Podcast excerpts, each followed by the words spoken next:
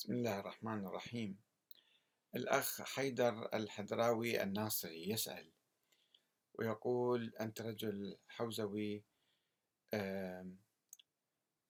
لكن بما أنك حوزوي كذا وددت أن أطرح عليكم ما يلي أملا بالجواب إن كان المهدي ضرورة فلسفية فهل هذا يعني أن المهدي لا وجود له بالأساس أم أن المهدي سيولد كما يرى علماء السنة. فالأحاديث الواردة عن النبي صلى الله عليه وآله مستفيضة عن المهدي وأنت أعرف بها من السائل. يعني هو الأخ يقدم عدة أسئلة فنجيبه على كل سؤال سؤال. آه المهدي ليس ضرورة فلسفية وإنما هو عند الاثني عشرية فرضية فلسفية. فرضية يعني افتراض. لأن هم عندهم مجموعة مقولات كلامية وفلسفية حول فلسفة الإمامة وضرورة وجود الإمام وكذا فافترضوا وجود هذا الثاني عشر الذي أطلقوا عليه بعد مئة عام أنه المهدي المنتظر. في البداية لا لم يكن موجودا حتى يكون مهديا. وفي سؤالك في الحقيقة يا أخ حيدر الحدراوي عدة مواضيع متشابكة مع بعض. آه، الفكرة اللي مو عند السنة علماء السنة وإنما عند عند الشيعة الأوائل. الفرق الشيعية المختلفة في القرون الثلاثة الأولى كانت تتحدث عن آه، إمام مهدي. هذا الإمام مهدي يعني الإمام العادل يعني الحاكم العادل. وليس شخصا معينا إنما كانوا دائما يتحدثون أنه يمكن هذا يمكن ذاك يمكن أي واحد يخرج. المهدي الفاطمي خرج وقال أنا المهدي. فالسنة أيضا يقرأ أنه في آخر الزمان واحد يخرج. هذا ما عندنا كلام حوله. كل الكلام حول محمد بن الحسن العسكري هل هذا ولد حتى يكون إماما وحتى تكون قائمة اثنا عشرية وتكون نظرية الإمامة صحيحة أم لا؟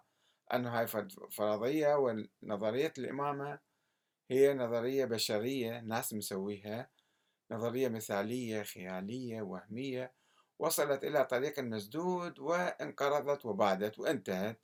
فاختلقوا هذا الشخص الموهوم حتى يبقوا على هاي النظرية في الأذهان حية. بعدين يسأل الأخ يقول إن كان ضرورة فلسفية ويعيد الكلام. فهناك أحاديث تنهى عن التصريح باسمه الحقيقي. هذه مو أحاديث لا عن الله ولا عن النبي ولا عن الأئمة إنما الدول المدعين للنيابة العامة والوكالة اختلقوها حتى يخفوا القضية ويمنعوا الناس من التحقيق والسؤال والبحث ولا يكتشفوا الحقيقة. آه، هل هذا يعني أن الإمام الحسن أخفى ابنه؟ لا لا يعني أنه الناس يدعون ادعاءات فارغة. وأيضا يقول هناك مشاهدات للمهدي منها قضايا مسجد السهلة وغيرها وهذه الروايات تم تأكيدها وتوثيقها في الوسط الحوزوي. يا أخي الحوزة فيها أميون كثيرون وفيها دجالون وفيها ضالون ومضلون يخترعون القصص ويروجونها بما يشتهون. فمو كل شيء بالحوزة يعني صار وحي منزل هذا. سؤاله الرابع يقول الكثيرون ادعوا رؤية المهدي في المنام وتم توثيق أغلب تلك المنامات. المنام ليس حجة. وواحد شاف بالمنام في الحلم هذا يعني صار حقيقة دينية. أه وأيضا آه، يعني مشاهدة المهدي متى شاهدوه؟ هو إنسان ولد قبل 1200 سنة. كيف يعني باقي حي؟ بصورة إعجازية. ونحن نعرف لا إعجاز في الدين الإسلامي النبي محمد ما جاب معاجز. فكيف أنه واحد يبقى حي 1200 سنة؟ لأن خرافة وأسطورة نقول عنها معجزة. هذا مو معجزة هذا خرافة وأسطورة هذه. آه، وأيضا سؤال أخير يقول هناك حوادث تاريخية مر بها إما شخص أو مجموعة أشخاص بظروف حرجة وكان هناك مجهول لهم تم توثيق هذه الحوادث حوزويا. يا أخي وين تم توثيقها؟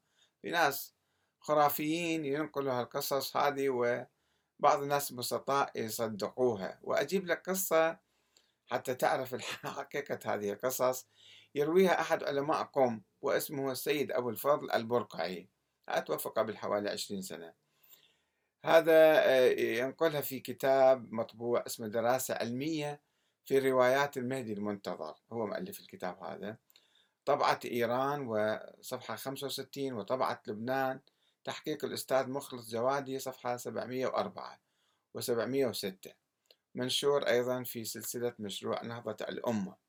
هذا العالم آه، عنده كتاب لطيف. يروي قصة آه، عن هالمواضيع اللي تسميها أنت علماء بالحوزة موثقيها. يقول كنت ساكنا في قم وكان عمري 35 عاما وأردت السفر إلى ميناء بوشهر للإبحار إلى الهند. وكنت أرتدي العمامة والعباءة وسيد هو آه، يقول توقفت الحافلة في قرية تدعى آبادة بين أصفهان وشيراز فهرع الركاب إلى المقهى لتناول الطعام والشاي ولكني دخلت المسجد لأصلي المغرب. فرأيت جماعة كبيرة يتجاوز عددها 500 شخص. فرغوا من الصلاة. وجلسوا ينتظرون قدوم واعظ.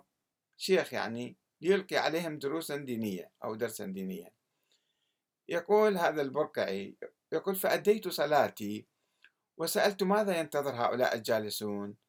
فقالوا أنهم ينتظرون الشيخ الذي ذهب إلى قرية مجاورة ولم يعد بعد. فصعدت إلى المنبر وألقيت عليهم كلمة وموعظة وآيات قرآنية ولكن أنهيت الكلمة بشكل مفاجئ لأن الحافلة كانت على وشك الانطلاق وخرجت من المسجد راكضا وركبت الحافلة التي كانت بالانتظار وتحركنا على الفور. هذه القصة. يقول ماذا حدث بعدها؟ يبدو أن الناس قد تجاوبوا مع الخطبة فاتفقوا أن يدعوني إلى البقاء عندهم عشرة أيام. فأرسلوا بضعة أشخاص خلفي ليعرضوا علي هذا الاقتراح. فلم يجدوني وفتشوا منا يمينا وشمالا ولم يجدوني لأن الحافلة كانت قد انطلقت ودخلوا المقهى المجاور للمسجد ولم يجدوني. فقالوا في أنفسهم يبدو أن هذا السيد قد شقت الأرض له أو صعد في السماء. ثم رجعوا وأخبروا من كان في المسجد أن ذلك السيد كان إمام الزمان صاحب الزمان إمام المهدي الذي أمضينا عمرا وشوقا لرؤيته. غاب بمجرد خروجه من المسجد.